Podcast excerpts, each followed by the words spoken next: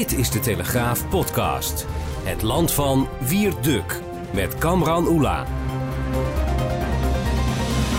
Donderdag 3 september 2020. Mijn naam is Kamran Oela, nieuwsregisseur bij de Telegraaf. En uh, na lange tijd weer eens terug uh, op deze plek in het land van Wierduk. Uh, en Wiert die zit ook in het land, alleen dan aan de andere kant van de lijn. Ha Wiert. Ja, welkom Kamran. Ja. Weer eens, ja. Ik uh, mag weer een uh, paar weken. Uh, Heel goed. want Robert is vrij. belangrijk denk ik aan het begin al om te melden wie We nemen het dit keer op op woensdag 2 september. Dus dat is een dag eerder dan de publicatie. En het is op dit Ja. moment, terwijl we de opname starten, 4 uur 37.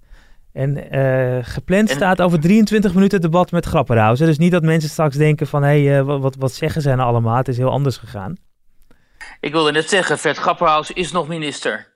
Op het moment dat wij eh, deze podcast opnemen, is eh, meneer Grapperhaus eh, gewoon nog onze minister van Justitie en Veiligheid. Ja, En op het moment Ja. dat u het luistert, ja, daar kunnen we dus niets over zeggen. nee, maar dat is ook ehm, misschien niet eens zo belangrijk als we het over alle ophef gaan, gaan hebben en over de, laten we zeggen, de interpretatie daarvan.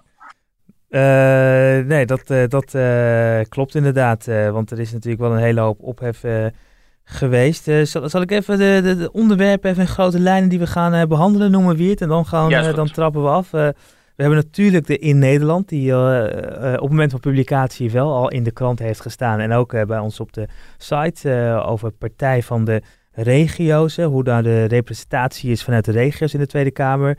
We gaan het hebben over de hulpgelden van Sigrid Kaag, wat daar allemaal mee gebeurt in de Palestijnse gebieden. Ehm, en ook over veel plegers die eh, niet, worden, niet eh, worden uitgezet. Veel plegende illegale om eh, precies te zijn. Ehm, en ja, ongetwijfeld komt de VS nog voorbij. Maar misschien toch aan het begin even, even grapperhuizen. Dus nogmaals, Ja. voor het debat.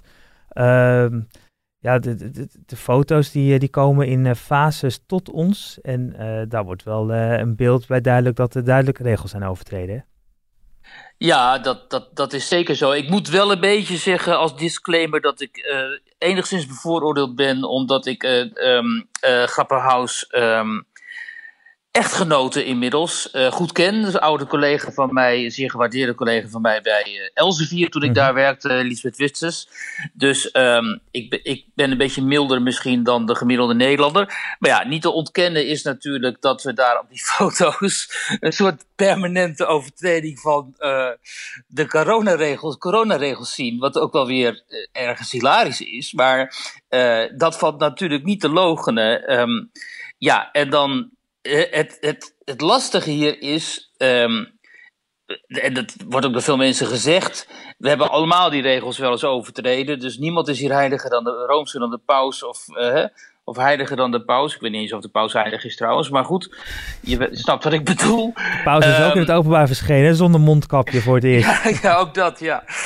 En eh, dus je kunt, kijk, je kunt er op een menselijke manier naar kijken en zeggen, joh, hè, doe niet zo kleingeestig. Eh, je hebt ook mensen op Twitter en op andere sociale media, die, die zie je ook dat standpuntvertegenwoordigers zoals iemand als uh, Zini Usdil bijvoorbeeld, die, zeggen, die zegt van, dit land is zo ontzettend kleingeestig geworden, laat die man eens met rust. Mhm. Maar ja, je kunt er ook formeel naar kijken en zeggen: ja, maar er zijn mensen beboet hè, voor minder. Namelijk, eh, toen die drie mensen, weet je nog, die werden beboet omdat ze deden aan groepsvorming in het Ja. begin van die coronacrisis. Ze moesten allemaal 400 euro boete betalen. Mhm. Ehm, dus als die regels zo streng worden gehandhaafd door die BOA's, dan, dan moet dat in dit geval ook gelden. En het cliché natuurlijk dat de minister een voorbeeldrol, een voorbeeldfunctie heeft, een rolmodel is.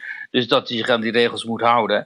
Eh, en eh, langzamerhand zie je ook door de manier waarop die foto's naar buiten zijn gebracht. Hè, het is in, in fases. Mhm. ehm, zie je zijn positie gewoon wankelen en bijna onhoudbaar eh, worden. En ook en dat niet is die eh, de open kaart, hè? dat is natuurlijk ook als je gewoon Ja. meteen zegt van joh, ja, ik heb de regels overtreden en dat is onhandig, had ik niet moeten doen. Eh, Ja. Is de ander Ja. verhaal dan eh, heel langzaam aan excuses aanbieden. Ja, en dan komen er weer foto's waar je gewoon eh, nou, je schoonmoeder omhelst, eh, een hand schudt met een, eh, met een Nou, dat, dat, dat vind ik ook vreemd, moet ik zeggen hoor. Want ik, ik eh, heb in deze maanden zelfs, denk ik, mijn eigen eh, nichtjes en andere familieleden niet eens omhelst. En Mhm. mensen die ik ontmoet, hè, die geven dan een vuist of zo'n of zo'n zo'n zo'n elleboog. En Ook tegen de vuist. de hè? Niet de vuist tegen het, eh, niet, niet op het oog, hè? Gewoon vuist tegen Nee, vuist. niet, nou, nog net niet op het oog.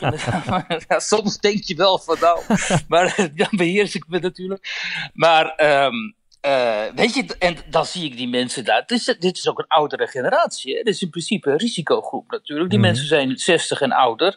eh, althans, een aantal van hen. Eh, die zie je daar heel onbekommerd eh, daar losjes met elkaar omgaan en zo. En dan snap ik wel dat mensen die echt hebben geleden de afgelopen maanden, hebben moeten afzien, die hun partners in de verzorgingshuizen niet konden zien, of die niet naar hun oma's en opa's konden toegaan in die verzorgingstehuizen, omdat ze daar niet welkom waren vanwege het risico besmetting, dat die echt woedend zijn en zeggen, hoor eens even hier, wij zijn echt door de mangel gehaald de afgelopen maanden en dat hebben we gedaan in, in, in- ter bescherming van de samenleving. Daar komt het op neer. Het werd van ons gevraagd. En notabene Grapperhaus zelf heeft gezegd... mensen die dat niet doen, die zijn ASO's.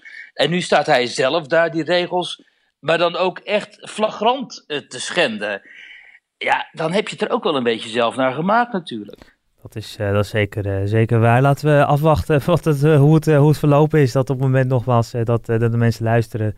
ehm, is er in ieder geval duidelijkheid of het een, eh, een kras wordt eh, en doorgaan als minister of eh, aftreden is en op zoek naar weer een nieuwe minister van Justitie en Veiligheid. Juist. En ongetwijfeld, dan maak ik meteen even reclame weer, want ik ben er natuurlijk ook niet omdat ik een andere podcast maak met Wouter de Winter. Ongetwijfeld meer hierover in afhameren volgende week. Ja, Doe even reclame in eigen ja, zaak. tuurlijk. Ja, waarom niet?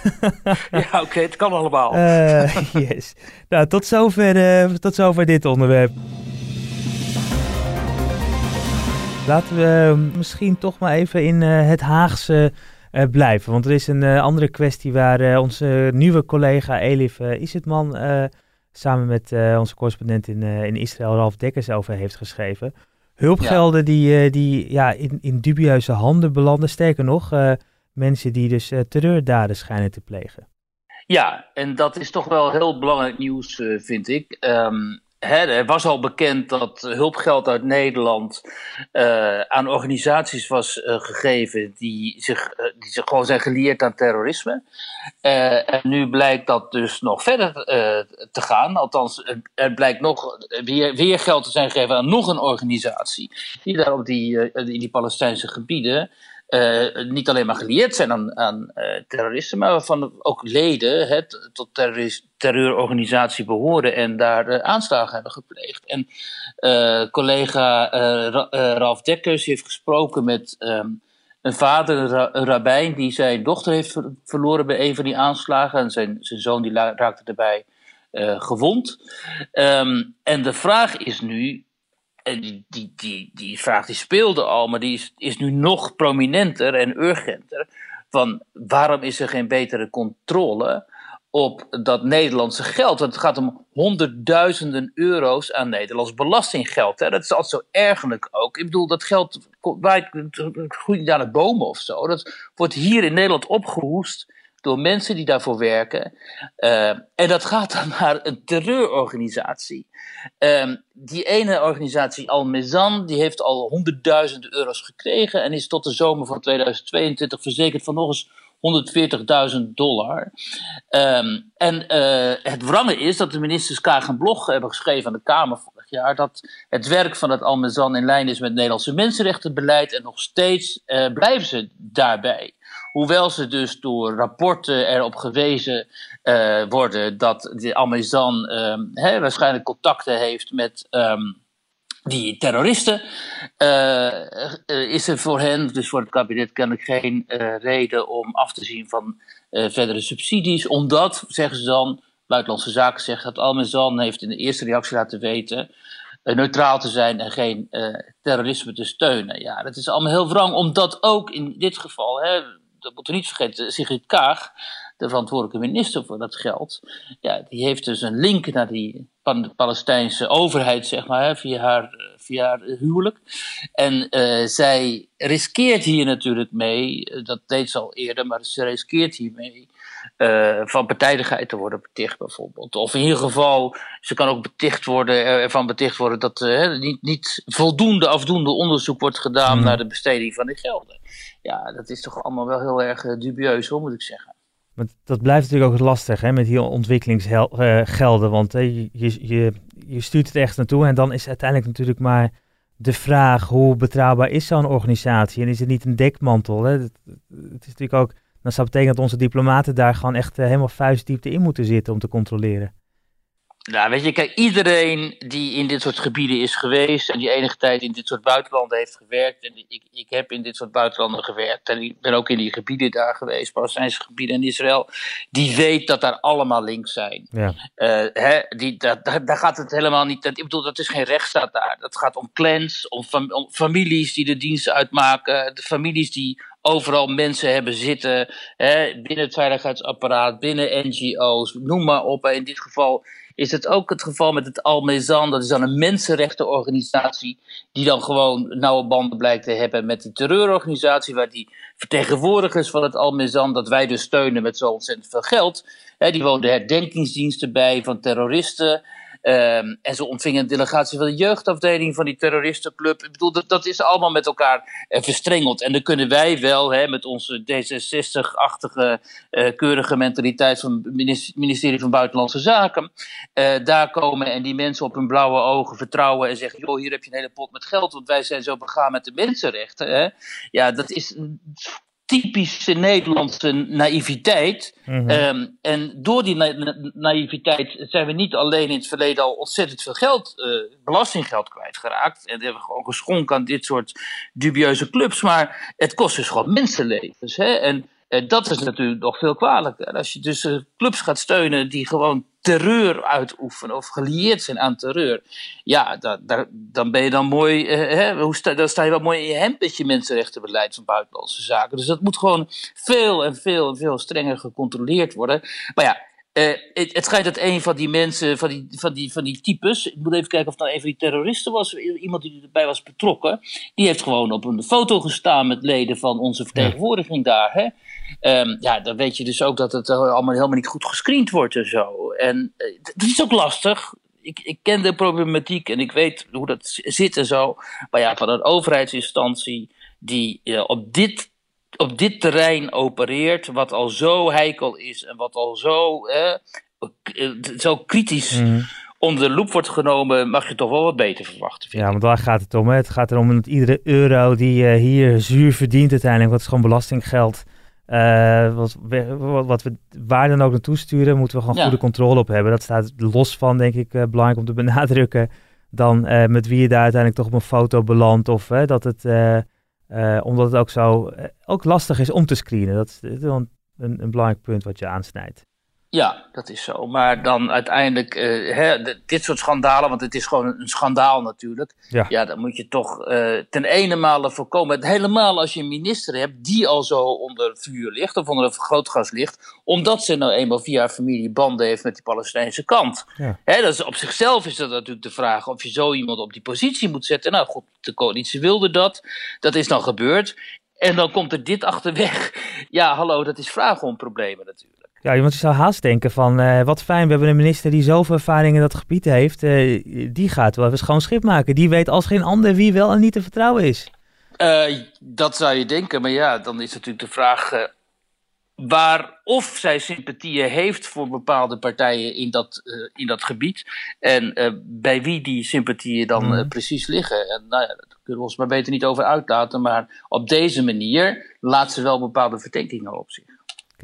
Tot zover dit onderwerp. Dan wie het, uh, het was geloof ik een, uh, een wijkagent die een uh, berichtenwereld in stuurde dat hij iemand had staande gehouden. En dat was al voor de zoveelste keer een illegaal iemand. En hij vroeg zich hardop af, waarom kunnen we zo iemand niet eigenlijk gewoon het land uitzetten? Want ja, je bent illegaal. Hè? Wat, wat doe je dan hier nog als veelpleger? behoorlijk wat ophef over. Ja. Uh, de politiebonden steunen hem. Ja. wat, uh, wat, wat ook volstrekt logisch klinkt, toch? Ja, nou ja, eigenlijk, ja, dat klinkt logisch, maar dat is het in deze tijd dus helemaal niet meer. Hè? Dat was een hele dappere wijk, wijkagent, vind ik dan. Bas Wijnen heet hij uit Alkmaar. Die gewoon eens een keer op Twitter, Twitter ronduit meldde wat hij van iets vindt. Namelijk, hij schreef: Ik blijf het bijzonder vinden dat wij zo iemand, en daarmee bedoelt hij een meer, meer plegende, veel plegende illegaal, dat wij zo iemand niet op het vliegtuig kunnen zetten naar het land van herkomst. Nou, dan kreeg hij natuurlijk alle usual suspects weer over zich heen, want dat is dan stigmatisering en racisme en weet ik veel wat het allemaal was. Uh, totdat uh, de politiebonden en zijn eigen uh, koepel, zeg maar, het voor hem opnemen namen. En voorzitter Jan Struis nu van de politiebond, die zegt ook... we hebben veel te veel gedoe met dit soort veelplegers. we pakken ze op, soms wel zijn ze, hè, hebben zich schuldig gemaakt aan honderden misdrijven. Uh, het kost ons ontzettend veel tijd om die mensen op te pakken, uh, vast te zetten en vervolgens weer op te pakken en opnieuw op te pakken. Dus politiek zorg er eens een keer voor dat we deze mensen kunnen uitzetten, want ze zijn illegaal hier, zijn vaak al jaren hier. Uh, ze, ze, ze, struinen door Nederland uh, als het ware op rooftocht zijn ze eigenlijk. En we krijgen die mensen maar niet de grens overgezet, omdat die landen van herkomst, die willen hen niet accepteren. Die zeggen, ja mooi, wij zijn van hun af, houden jullie hen maar. En uh, we hebben geen zin om die mensen weer op te nemen. Daar hebben we in deze podcast ook vaker over gehad. Mm Ga dan in vredesnaam eens een keer sancties uitoefenen tegen die landen die weigeren om die, om die uh, illegale terug te nemen.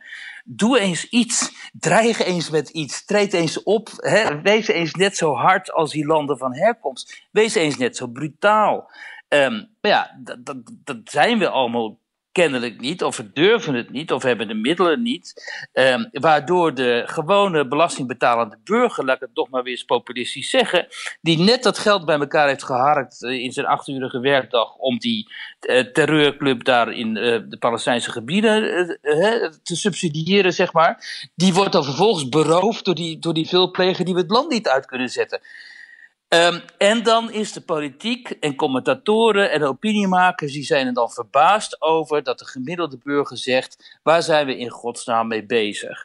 Um, en dan is deze wijkagent die precies die vraag stelt en dan zie je um, tot uh, wat voor uh, reacties dat leidt, namelijk ook tot heel erg veel bijval. En tot eindelijk ook iemand, uh, hè, voorzitter van, van die politiebond, Jan Struis, die zegt, ja, we zijn het hiermee eens. En zo langzamerhand uh, zijn we er ook zat van. En er moet maar eens een keer uh, over gesproken worden in de Tweede Kamer. Uh, dat dit de realiteit is waarmee wij te dealen hebben. En dat we veel te veel tijd kwijt zijn met dit soort mensen. In plaats van dat we ons kunnen richten op het op, op, um, oplossen van moorden en dergelijke. En dat wij een oplossing eisen vanuit Den Haag. Nou, ik ben heel benieuwd wanneer die er dan eindelijk eens een keer gaat komen. Ja, want uh, dat kan niet komen, denk je. Is, is dat überhaupt mogelijk? Nou ja, die politiek die wijst ons dus altijd uh, erop dat het uh, niet mogelijk is, hè, omdat vanwege die weigerachtige houding met ehm, van die landen van herkomst. maar dan zou ik zeggen, nou ja, dan sluit ze langere tijd op. En ja. zorg ervoor, hè, creëer desnoods een vaste plek of zo, waar je al deze mensen bij elkaar zet zodat de burgers er geen last meer van hebben. En uh, verzin iets, verzin een list, zou um, Tom Poes uh, zeggen.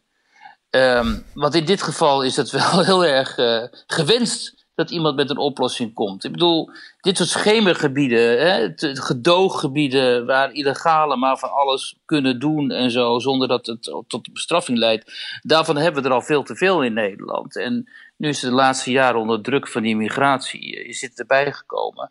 En uh, dat is helemaal niet wenselijk. En het is vooral niet in het belang van de gemiddelde uh, burger die zich wel keurig aan de regels en aan de wet ja. houdt. Ja, want dat is, dat is natuurlijk het, het vervelende. Eigenlijk wat we bij Grapperhaus net ook al over hadden. Dat, dat, dat rechtsgevoel, dat, ja, dat, dat voelt dan toch niet helemaal alsof er... alsof er uh, nou, alsof we in de rechtsstaat uh, zitten. Dat wat voor de een geldt, geldt dan blijkbaar even niet voor de ander. Qua gevoel, hè? Het is misschien niet zo, maar dat is wel het gevoel wat daarbij naar boven drijft. Nou ja, kijk, daar hebben we het ook vaker over gehad in de podcast. Uh, we leven in een, in een hoogbeschaafd de samenleving. Die is gebaseerd op een heel fijnmazig stelsel van afspraken en regels. Hè?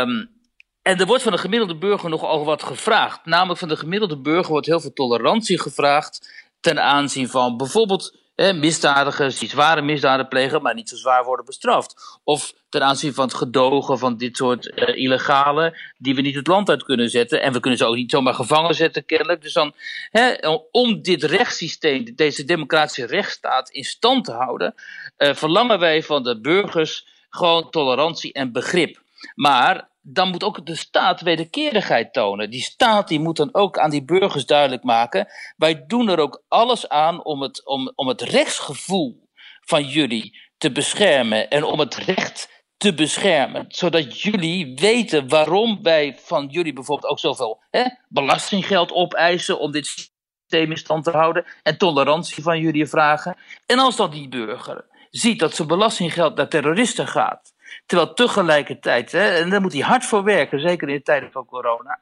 uh, te, en tegelijkertijd dit soort veelplegers maar misdaden kunnen bijgaan, zonder dat er echt sancties op staan, zonder dat die rechtsstaat ook, uh, zeg maar, echt sanctioneert en ook op, weet je, op laat zien van wij pikken dit niet. Hè? Snap je dat het systeem laat zien, ja, dit systeem kan alleen maar bestaan als er rechtvaardig zijn, maar ook heel streng. En het systeem is veel te weinig streng voor de mensen die misdaden begaan. Het is bijvoorbeeld heel streng hè, als de Belastingdienst denkt: weet je wat, we gaan dus op, op uh, we gaan etnisch profileren en we gaan mensen die toeslagen vragen, die gaan we afknijpen. Dan is het opeens heel streng. En dan ga je mensen die recht hebben op toeslagen, die ga je die toeslagen ontzeggen. Hè?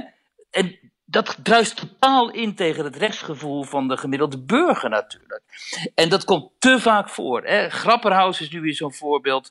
Uh, uh, de situatie in de, in de zorghuis was ook zo'n voorbeeld waar er geen beschermende kledij was en er waren geen mondkapjes en die mensen werden gewoon aan hun lot overgelaten, dan faalt de staat, dan toont de overheid zich niet betrouwbaar. En precies dat is wat zo'n wijkagent daar even, bam, die gaat echt even met zijn vinger in die open wond. Die zegt, jongens, dit was niet de afspraak. Ja, en dan zie je, en daar heeft hij gelijk in. Mhm. En de overheid heeft hier echt een probleem, en dat, dat is al tijden zo. Ja. De overheid moet veel betrouwbaarder en veel strenger worden. Ja, en wat op dit vlak, hè, want eh, we kunnen natuurlijk over strenge straffen en daar kunnen we ook een hele boom over opzetten. Maar volgens mij in dit geval is het ook gewoon dat ook per gemeente het anders eh, weer is. Eh, het is volgens mij bekend dat ik een Amsterdammer ben.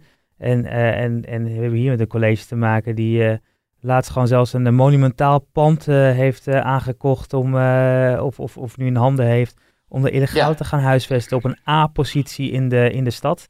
Eh, dus, dus ja, dat is Echt? ook nog heel erg lokaal beleid. Ik ben toen voor de krant bij een aantal van die burgerbijeenkomsten geweest. Hè, toen de gemeente eh, ging voorstellen om in bepaalde wijken dat soort illegale opvang eh, te gaan organiseren. En eh, daar was ook die wethouder Rutger Grote-Wassing van GroenLinks, die, die dit dus een goed idee vond. En ik moet zeggen, ik vond, ik vond het wel moedig dat hij gewoon daar een hele avond telkens ging staan in zo'n gymzaal met honderden mensen die allemaal boos op hem waren. Mhm. Hij staat voor zijn zaak. Maar wat ik daar zag was echt iedereen. Ik was bijvoorbeeld in Noord-Amsterdam-Noord. iedereen daar. ehm, maakt niet uit. Turks, Marokkaans, hoofddoek, geen hoofddoek, ras Amsterdammer. Hoog opgeleid, laag opgeleid. Maakt niet uit. Was daar tegen. En dacht van, dit willen we helemaal niet. Waarom moeten wij illegale gaan opvangen in, in onze buurt, die al vaak onder druk staat vanwege allerlei spanningen, hè, sociale spanningen, armoede, eh, problemen met jongeren en noem maar op. En ik vind inderdaad dat, dat die overheid, zeker daar in Amsterdam, ja, die vraagt wel eh, enorm veel begrip eh, van haar burgers hoor. Voor plannen die vaak gewoon, zeg maar, eh, privéplannetjes zijn van GroenLinks of andere hè, eh, linkse partijen. Om er maar goed op te staan bij de eigen achterban. Ja, nou, ik ben ondertussen al nog aan het bijkomen dat de OZB hier met 20% volgend jaar omhoog gaat. En Ja, als jij op zondag bij me langskomt, dan moet je ook voortaan 7,50 euro in de parkeermeter gooien, Wiert. Eh, Ja, hopeloos. Ik ben blij dat ik het echt wel goed zeg wat ik ook moet zeggen. snel naar iets anders. Ja. Ton Doesburg, 71 en eh, Partij voor de Regio's. Dat is het onderwerp eh, deze week Ja. eh, van de In Nederland rubriek, waar ik het al aan het begin even over had. Te lezen vandaag natuurlijk op de donderdag in de Telegraaf. Misschien luistert u het veel later dan de donderdag, dan in de donderdag. Eh 2, eh, wat was het, eh, 3 september toen. En eh, ook eh, bij ons op de site, want eh, het, het, begon een beetje als een lokale grap en het werd een eh, heel serieus verhaal, eh Wiert. Moet ik het zo zien? Ja, Ton Doesburg is een oud ehm, eh, politicus voor de Partij van de Arbeid en bestuurder. Echt iemand, eh, zo'n zo'n mastodont, zeg maar, die zowel voor de Partij van de Arbeid als voor allerlei semi-overheidsorganisaties uh, heeft gewerkt en hoge functies heeft gehad. Hij is onder andere nog directeur NUON in Duitsland geweest, ook heel lang. Dus hij kent de Duitse politiek uh, ook goed. Heeft gesproken in de Bondsdag, noem, noem maar op. Dus gewoon iemand die uit, uit wat we tegenwoordig zeg maar de elite noemen. Um, maar Ton Doelsburg heeft zich in zijn werkzame leven altijd opgewonden over de achterstelling van uh, de regio's bij uh, de Randstad. Hij zegt dat was al zo toen ik in de Eerste Kamer zat en dat is nog altijd zo. En in een in, een van, in de regionale pers had hij zich laten ontvallen dat er maar eens een partij voor, de, voor het oosten, want hij woont in Nijmegen, een partij voor het oosten zou moeten worden opgericht. Nou, dat, dat triggerde mij natuurlijk, want ik hou me vaak bezig met die kloof tussen platteland en stad, of tussen stedelijke en landelijke gebieden, zoals het heet. Dus uh, uh, ik ging hem interviewen en ja, toen bleek dat hij niet zozeer zo'n partij zou willen, uh, want dat is, dat is er weer een partij bij. Maar uh, dat hij vooral het Nederlandse systeem, het kiessysteem, uh, niet meer van deze tijd vindt. En dat is wel heel interessant natuurlijk, omdat we net die commissie van, hè, die, die parlementaire commissie, staatscommissie, parlementair mm -hmm. stelsel van Johan Remkes hebben gehad, die ook concluderen dat het Nederlandse systeem van evenredige vertegenwoordiging uh, gewoon niet meer functioneert, omdat uh, onder andere kandidaten uit de regio's veel te afwezig zijn uh, in Den Haag. En het interessante is, als je dan eens gaat kijken, het Nederlands Dagblad, dat is een kleinere hè, religieuze krant, die heeft dat eens een keer uh, uitgezocht, niet zo, niet zo lang geleden, nou zelfs dit jaar nog. Uh, en dan blijkt dat van de 150 Tweede Kamerleden er 97 in de Randstad wonen. Uh, en van wie van hen is dan ook nog eens een keer een heel groot deel woonachtig in de grote steden. En in het kabinet is eigenlijk bijna iedereen afkomstig uit de Randstad. En um, de meeste van die mensen, of een groot aantal van die men, mensen in het kabinet, is dan ook nog eens een keer ex-wethouder in een um, grote, grote stad. stad. Ja. ja, en dat is natuurlijk um, een probleem, omdat je als je dan gaat kijken, waar gaan de subsidies naartoe bijvoorbeeld. Hè? De, onlangs was het gedoe over die projectsubsidies voor de podiumkunst. Mm -hmm. En ja, waarom? Omdat 54 procent, dan is, het, dan is er 21 miljoen euro te besteden. Daarvan gaat al 54 procent naar Amsterdam. Niet eens naar Noord-Holland of Zuid-Holland, maar naar, naar Amsterdam. Uh, de regio's Noord, Midden, Oost kregen samen 4 procent. En gezelschappen in Overijssel en Gelderland, wat grote provincies zijn, in totaal 3 miljoen inwoners, die krijgen niks. Nou, onder andere Kamerlid uh, Pieter Omtzigt, die uit Twente komt, die ging helemaal over de rooien omdat doel van het beleid is in de cultuur uh, dat er diversiteit uh, bestaat. Maar die diversiteit uh, die geldt dan weer niet voor de mensen in de regio. Die geldt natuurlijk weer diversiteit van kleur of van etnische afkomst of noem maar op. Alles waar de Randstad telkens maar over debuteert, debatteert en discussieert. Maar dat er ook eens iets bestaat als diversiteit, omdat je een gezelschap in het oosten subsidieert boven een gezelschap in Amsterdam. Ja daar komen ze dan niet op. Nou ja, dat is natuurlijk een grote ergernis van veel uh, Kamerleden of politici uit, uit de regio. Dus ik heb uh, Sandra Bekkerman ook even gebeld. Dat is een bekend uh, Kamerlid voor de, voor de SP, hè, die het opneemt voor de Groningen. Voor de Groningen. Ja. ja, precies. Dus voor de aardbevingsslachtoffers in Groningen. Ja, en Sandra zegt ook, hè, die heeft, ik, prioriteiten liggen in de Kamer heel anders. Ze zegt ook, um, als uh, in de Randstad of in Amsterdam was gebeurd wat er in Groningen is gebeurd, met die destructie van die huizen daar, had je dan gedacht dat, uh, dat dit ooit uh, zo uit de hand had kunnen lopen? Dat, dat was natuurlijk nooit het geval geweest. Er waren al lang nieuwe huizen gebouwd en die mensen die waren zwaar gecompenseerd. En maar alleen omdat het Groningen is en zo ver weg, is eigenlijk aan het drama dat zich daar afspeelt tot nog toe nog altijd eigenlijk veel te weinig aandacht besteed. En zij ziet Groningen als een soort wingewest uh, uh, van de Den Haag. Zo voelen veel Groningers uh, zich ook. Um, maar het echt interessante nu vind ik in dit verhaal, in deze kwestie, is dat Caspar van der Berg, dat is een hoogleraar die ik al vaker heb gesproken. Die, um, in Groningen? in Groningen, althans hij verbonden aan de Rijksuniversiteit Groningen, ja. maar, maar de campus Friesland, ja, dus ze zit ja, in, in Leeuwarden. En um, het komt gewoon uit Den Haag verder.